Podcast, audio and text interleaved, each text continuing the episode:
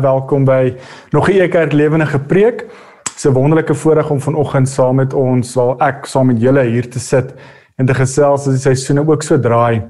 Ek wil juist dit noem want uh, soos die seisoen draai, begin die son op vreemde plekke inskyn. So as die son deur die loop van die erediens of van die preek iewers op my begin skyn, jy hoef nie te bekommer nie. Ons moet net 'n nuwe hoekie kry hierso. Maar dit is 'n groot eer om saam te wees vanoggend en dit is 'n groter eer vir my want dit is Pinkster. Ons by E Kerk uh, skop af vanoggend met Pinkster en ons hele reeks vir Pinkster is die boot tema en die tema vir Pinkster is in die regte boot Jesus in. En ons nooi hulle uit. Ons skop vandag af soos ek al reeds genoem het waar ons gaan vra maar wanneer Jesus slaap in die boot, wat moet ons doen? Hoe moet ons dit hanteer? Maar ons nooi hulle ook uit vir die res van die week, Maandag, Dinsdag, Woensdag en Donderdag elke aand om 7uur gaan daar ook 'n preek wees. So Stefan die Berg gaan 'n paar van die preke hanteer en dan gaan ek ook so die laaste aand met ons saam behartig. So ons nooi hulle uit saam op hierdie reis om seker te maak dat ons in Jesus se boot is in hierdie Pinkstertyd. Maar met dit genoem, kom ons sit ook so en ons vra ook die Here se seën vir vanoggend se diens. Here, dankie vir die voorreg wat ons het om weer eens bymekaar te kan kom. Al is dit deur tegnologie, al is dit waar ook al ons sit in die wêreld. Here, waar ons as kerk bymekaar nou kom en juist die die dit vier, die feit dat U so lief is vir ons, dat U U Gees vir ons gestuur het. Here, help ons ook dat ons hemelse ore kry, hemelse oë kry om regtig vir te hoor en te sien hoe U ook in ons lewe werk deur die Gees. Vra ook sodat U ons ook sal seën of die geleentheid sal seën wat ons vanoggend u woord sal oopmaak en laat ons dit ook deel maak van ons lewenstyl en so op ons harte skryf. In naam alleen. Amen.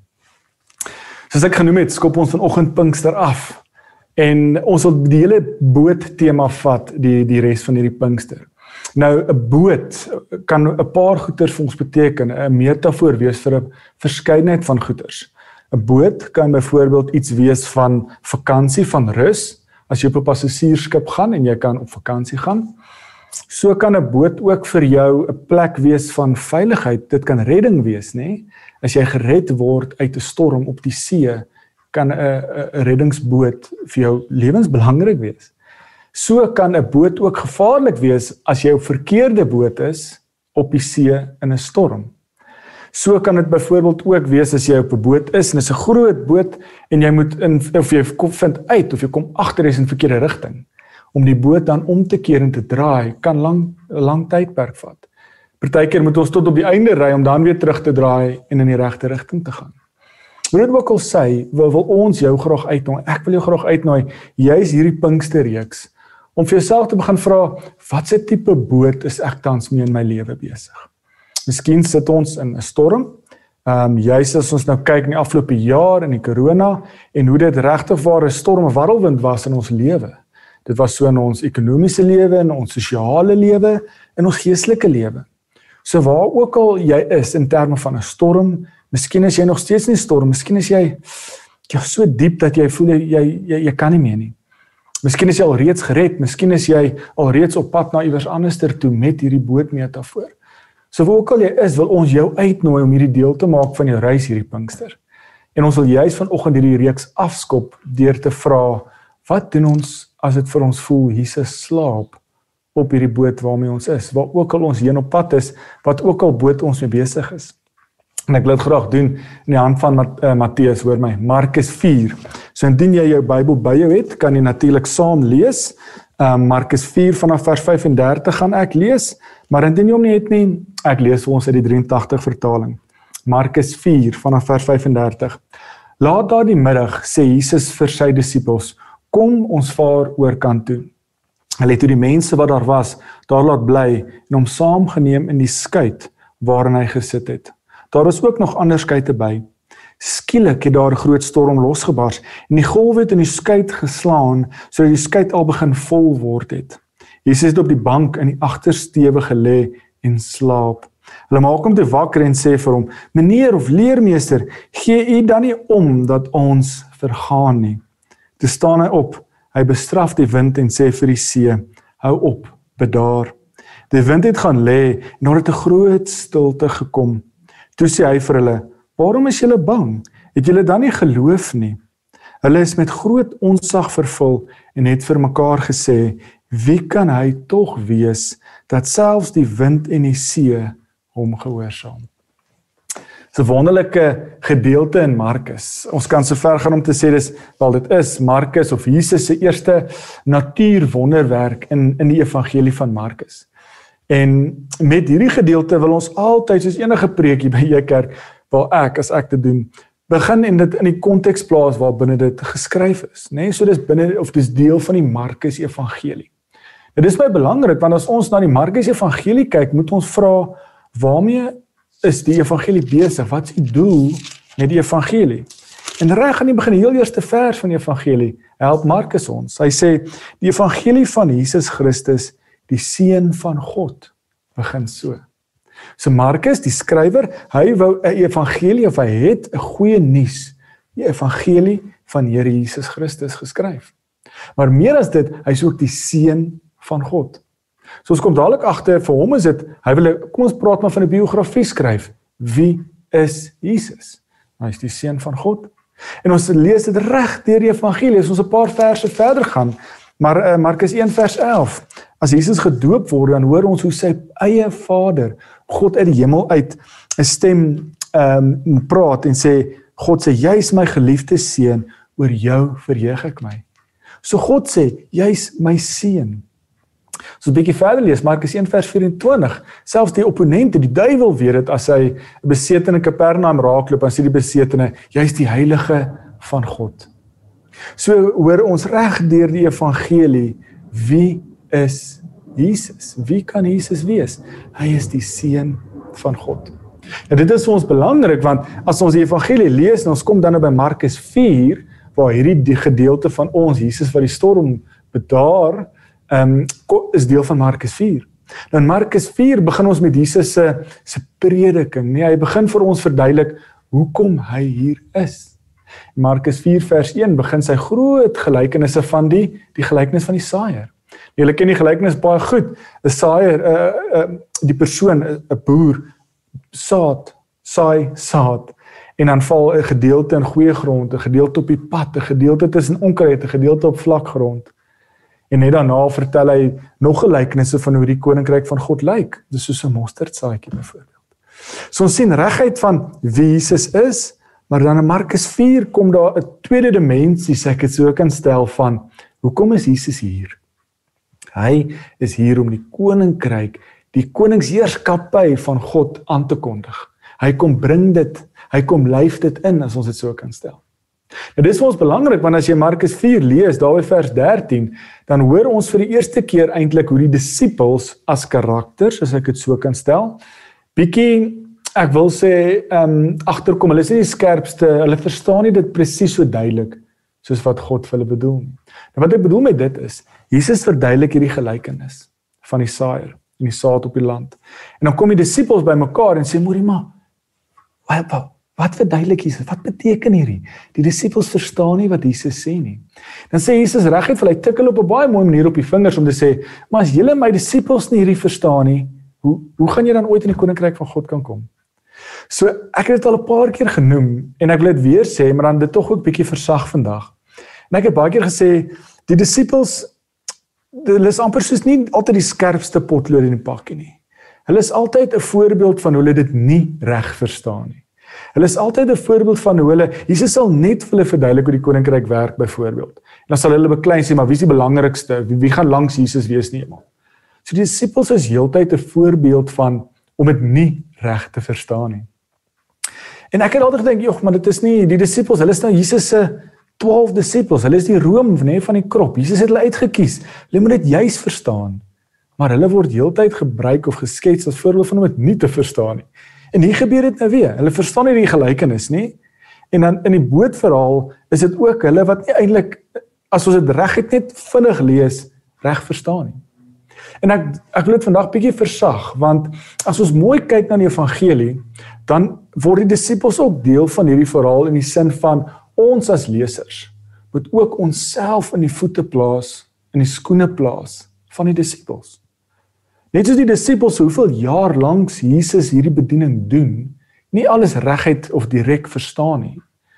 Is ons as disippels in 2021 ook altyd nie aan die verstaan kant nie.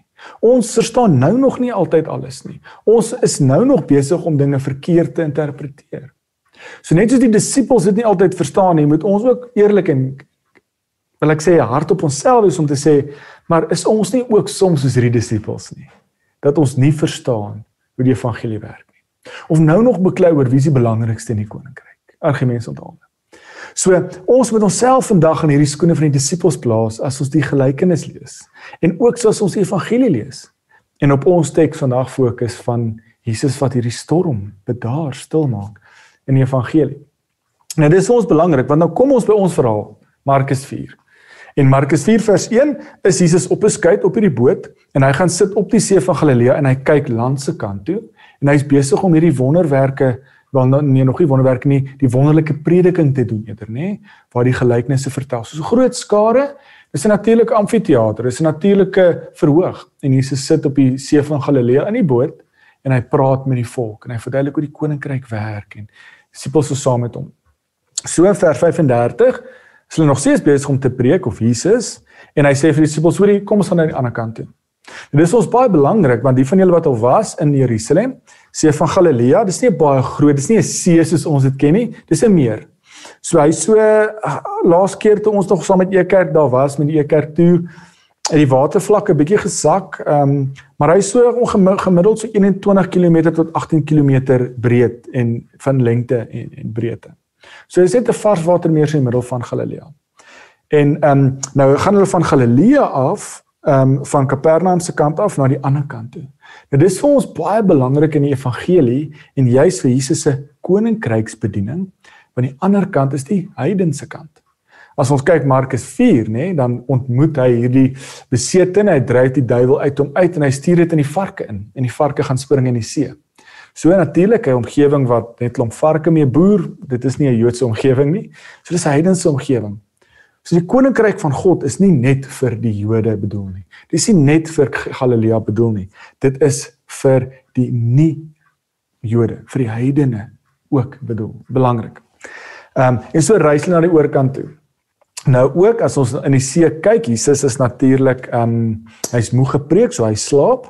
Die boot moet ons ook nou verstaan, as ons die boot tema vat, is nou nie hierdie groot MSC simfonie wat hulle oor die meer mee trek nie. Ehm um, hulle het so in 86 'n uh, uh, argeoloog so tipe boot opgegrawe wat ek vergelyk dit maar altyd soos 'n tipe in Engels praat ons maar van 'n rubber dak as jy gaan scuba duik of so. Nou natuurlik is daar verskillende groottes van daai bote. Maar 12 mense sal nogals knap op hom sit. Ehm um, en Jesus is uitgeput en hy lê en slaap.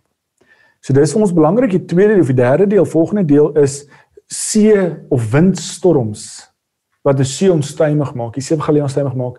Dis nie 'n vreemde konsep nie. Selfs vandag nog as jy die mense praat wat daar visvang vir 'n lewe, bediening doen, ehm um, of eerder net be, nie bediening doen nie, werk, is windstorms algemene uh gebeurtenis.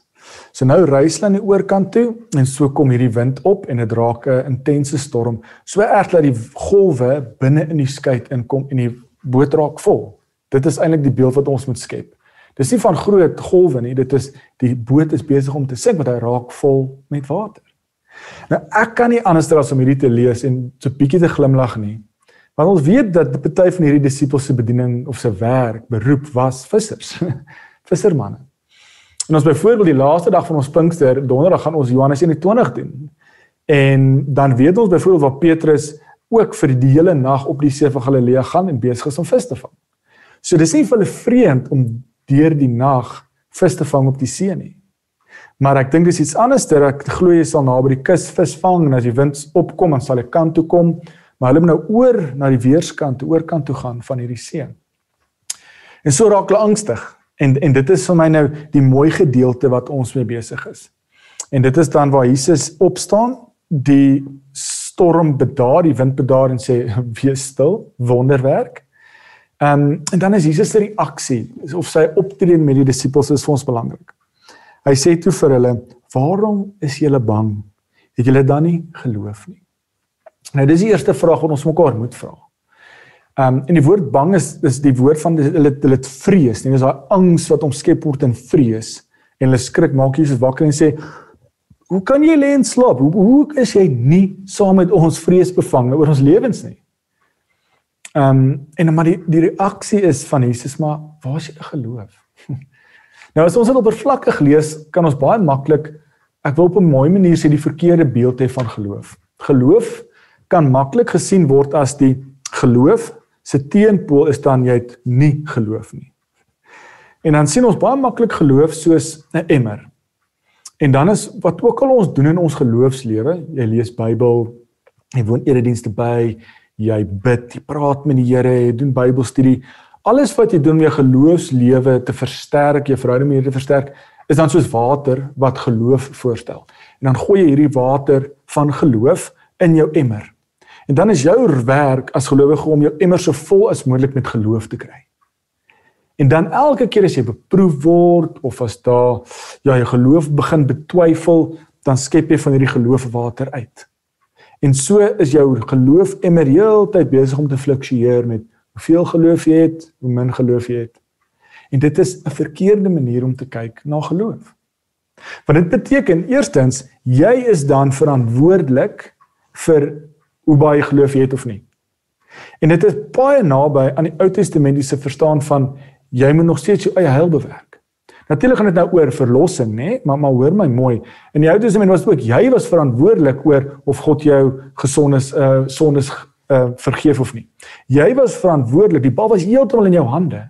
En as jy die wet onderhou, as jy dit reg gedoen het, as jy dit verkeerd gedoen het, is jy besig om heeltyd jou weegskaal jy heen en weer te laat gaan as gevolg van jou optrede. Nou wat ek bedoel met dit is, dis vir ons baie belangrik as dit kom aan geloof. Want geloof vir ons as gelowiges as Nuwe Testamentiese Christene is 'n keuse. Ons kies om te sê ek glo in die Here Jesus Christus. Ek glo hy is die seun van God. Ek glo God is, is so lief vir my. Hy hom aarde toe gestuur het vir my. En hy het God se hele nuwe koninkryk om in inlei. En so het hy gesterf vir my en jou. Hy het opgestaan uit die dood uit. Of is opgewek uit die dood uit en hy sit aan die regterhand van God. Maar God is so lief vir ons nog steeds nog meer dat hy ook sy gees vir ons stuur. En dis wat ons dan in Pinkstertyd fees vier mee. Om te sê God is hier by ons. Hy's so liefdevol vir ons, met ons, genadig dat hy by ons bly. En hy gee sy gees vir ons. So dis 'n keuse om te sê dis nie van o, dis iets daar buite en ek hoop dit is so nie. Dit is ek weet dit vir feit. En so het ek kan ek saam met Paulus begelei as ons verder kyk in Kolossense byvoorbeeld dat ek saam met Jesus gekruisig is, my ou sondige mens. Ek is saam met dit opgewek en ek's 'n nuwe mens, ek's 'n Christen. En so weet ek my eindbestemming, niemand kan dit vir my wegvat nie. Ek weet ek het 'n ewige lewe by God. So als dit hier gebeur is tydelik. En jou natuurlik beteken dit ek moet agteroor sit en net wag dat die ewige lewe aanbreek nie. Nee. Ons moet nou soos Jesus die koninkryk van God uitbrei, verkondig waar ook al ons is. Nou hoor my asseblief mooi. Asseblief moenie sê ouma Peer sê ons moenie Bybel lees of bid of so nie. Nee, nee, nee. Ek sê altyd die die metafoor wat ek gebruik is in enige verhouding waarin jy staan, jou man of jou vrou, jou kinders, jou ouers, vriende, hoe meer tyd jy saam met hulle spandeer, hoe beter leer jy hulle ken. So hoe beter jy hulle ken, hoe meer weet jy wat hulle gelukkig maak, wat hulle kwaad maak, wat hulle hartseer maak. Kan jy die lewe saam doen? Wil jy die lewe saam doen? Kan jy die deur dik en dun gaan? En dit is wat ons met die Here moet doen. So ons lees Bybel want ons wil God leer ken. God ken ons van begin tot einde want hy hy is ons skepper. Maar ons wil by die Here se voete sit en vra, Here, help ons, wys ons wat is U wil. Wys ons hoe moet ek optree? Wys ons hoe moet ek leef as U kind? Want ek kies vir daai lewensbeskouing. Ek kies vir daai wêreldsuitkyk om te sê ek is 'n Christen en ek kies en ek weet dis 'n beter lewe uitkyk vir my so wil ek so leef. Maar ek het nie daai nodig om my geloof te versterk nie. Nou dit is nou wat hierdie gedeelte ons help mee vandag. Hierdie disippels, hulle het laat angs opkom in hulle lewe en dit laat wortel skiet. En dan word dit omskep en dan word dit vrees. Dan die vrees hulle hulle geloof oorskadu. Dit is wat twyfel in hierdie situasie beteken. So hulle het nie hulle geloof verloor nie. Dis ongelooflik word. Dit is ek sê ek kies nie meer om te glo in Jesus Christus nie. Maar ons kan so maklik in ons lewe laat eksterne impulse en storms in ons lewe, COVID, ek verloor my werk en hoor my asseblief mooi, daar's verskriklike lelike storms wat in ons lewens gebeur. En ek sê nie dit gaan ek probeer dit nie afwater nie, hoor my asseblief mooi. Maar daai laat ons wortels skiet van angs, wat dan vrees word en dan vrees gaan altyd want vrees is wêrelds, vrees is duiwels. Vrees gaan ons geloof in Jesus Christus, ons vertroue in Jesus Christus oorskadu en oordonder. En dit is wat ongelowig, ongeloof hier beteken. Nou kom ons gaan verder want nou help Jesus ons en sê, maar wat beteken hierdie hoekom twyfel julle dan? Hoekom het julle julle geloof? Waar is julle geloof dan? En die laaste vers help ons met dit. En die disippels nadat Jesus dit gesê het sê in vers 41, hulle is toe met groot onsag vervul Hulle sê vir mekaar, wie kan hy tog wees dat selfs die wind en die see hom gehoorsaam? So die woord hier is 'n baie mooi woord. Jesus sê vir hulle, hoekom is julle bang? Hoekom het julle vrees? Hoekom laat julle toe dat julle vrees julle geloof oorskadu? Maar dan sê die disippels, hulle of Markus sê hulle is met onsag. Dis ook met vrees gevul. Nou daai vrees is anderster as die vrees wat jou geloof oorskadu. Hierdie onsag wat die 83 vertaal is iets van Hulle is met goddelike respek gevul. Hulle besef maar hulle is op heilige grond. En vir dit moet ons die agtergrond verstaan. Want eh, Markus help ons, die disippels vra die vraag en antwoord die vraag ook. En ons moet gaan kyk na die Testament, Genesis 8 vers 1, Psalm 74, Psalm 104. Hulle haal eintlik of hierdie gedeelte verwys baie sterk na Psalm 107. En wat sê dit vir ons? 'n Baie sterk geloof in daai tyd van Slegs God kan die see, die storms bedaar, beheer. So met dit aan agtergrond, die disippels vrees vir hulle lewe en dit oorskadu hulle geloof en Jesus staan op en hy maak die storm stil. Wat sê daai daad vir die disippels? Jesus is God. Jesus is besig om vir ons te wys dat God hier is. God is saam met ons op hierdie skip en hy is hier en hy kan die storm bedaar in my lewe. So hierdie gedeelte gaan vir ons, hulle vertrou nie, hulle weet nog nie, besef nog nie Jesus is God nie. Maar met Jesus se optrede besef die disippels, hoorie, ons is op heilige grond, want Jesus is God. Nou dit is ons baie belangrik want hierdie gedeelte help ons vandag. Ek wil dit nie vroom maak om te sê Jesus gaan ons red uit die storm uit of Jesus gaan ons bedaar, die storm bedaar in ons lewe nie. Want ons gaan later sien Stefan gaan later die week in Handelinge 27 vir ons kyk na Paulus, dan word die storm nie bedaar nie, maar Paulus word gered. Hier in Markus 4 word die storm stil gemaak. So wat ek probeer sê is, dit gaan oor God se wil, dit gaan oor wie God is. Want baie keer gaan God ons red uit die uit die storm uit. Ander kere gaan God ons storm bedaar in ons lewe. Ander kere gaan hy die storm nie bedaar nie, maar hy gaan ons red. So die vraag is nie hoe sien ons God nie? Want dit is die vraag van die ons kan maklik God sien soos 'n SOS knoppie, SOS, vir paniekknoppie. Druk ek knoppie want ek is in 'n storm, dan moet God kom en hy moet die storm dadelik laat bedaar. Maar ander kere in ons lewe red hy ons uit die storm uit, maar hy bedaar nie die storm nie. En die gevaar dan is Natuurlik moet ons na God toe gaan en ons moet God vra. Na God toe gaan met ons vrees en ons angs. Maar die punt is, gaan jy jou geloof maak twyfel? Gaan jy God kwaad wees? Gaan jy God aankla as hy jou nie red nie? Gaan hy jou gaan jy God aankla as hy nie die storm bedaar in jou lewe nie? Want dit gaan oor God speel, te God se beskouing. Hier gaan dit oor God gaan ons nie altyd red nie. God gaan nie altyd die storm bedaar nie. En hierdie mag dalk baie vroom klink, maar laat dit insink. Hierdie gedeelte help ons om te sê God is altyd saam met jou deur hierdie storm. Dit is wat Pinkster ons help om te sê God is so lief vir ons. Hy stuur sy gees vir ons. Sy gees is in jou. So maak nie saak in watter storm jy is nie. En asseblief hoor my mooi, ek weet daar is baie rowwe storms in ons lewens. Maar ons moet net dalk in hierdie Pinkstertyd hemelse oë kry. Goddelike ore kry om te hoor waar is God by ons in hierdie storm. Want ons verwag God moet ons red. Maar meantime is hy besig om ons die styfste vashou in en deur hierdie storm. Dit mag dalk vroom klink, maar dit is hoe liefdevol God is. En ja, God kan storms bedaar. Ja, God kan ons red. Maar God sal ons nooit nooit alleen los in en deur hierdie storm nie. En dit is die troos wat ons moet vashou in hierdie Pinkstertyd. En miskien moet ons onsself in die disippels se voete sit. Ons het dalk genoeg geloof, nê, nee, in ons taal. Ons volg Jesus. Daar's genoeg geloof in ons lewe in die sin van ons kan saam met Jesus op die boot klim. Maar daar's soveel keer storms in ons lewe en hoor mooi, Jesus gaan nie die die belofte is nie ons gaan Jesus volg en dan gaan daar nie storms wees nie. Daar gaan storms wees in ons lewe. Maar die belofte wat Jesus maak is ek is altyd by jou, saam met jou deur hierdie storm. Mag ons in die Pinkstertyd opnuut bewus raak van God se teenwoordigheid, sy sy liefde, wie God is. Mag ons in en deur hierdie storms raak sien, beleef waar is God? Waar is God besig om ons styf vas te om strane af te vee? Ons warm te maak as ons koud kry. Kom ons bid saam. Here, dankie vir u liefde, dankie vir u genade, dankie dat u so lief is vir ons dat u Gees vir ons gestuur het dat ons nooit alleen is nie. Here, dit mag dalk soms voel of ons alleen is. Mag dalk voel of ons alleen is deur hierdie storms.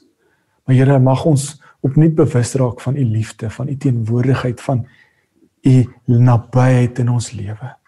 Here, dit mag dalk vroom klink, maar ons weet u is liefdevol. Ons weet u is by ons. En waar ook ons die res van die week gaan saam reis met hierdie boot tema, laat ons met u hierdie gesprek hê van watse tipe boot is ons mee besig, Heer.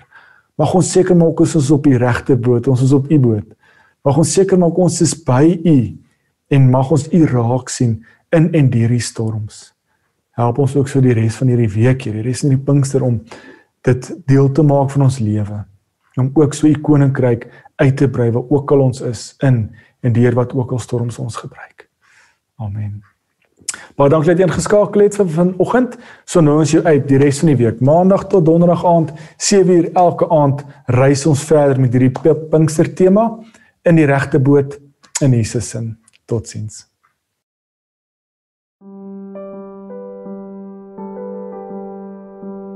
By Louis Botha is ons 'n klein gesinnetjie, huisgesin wat um, bestaan uit huisouers en kinders en aflosse en assistente. Ons kinders is almal deur die hof by ons geplaas.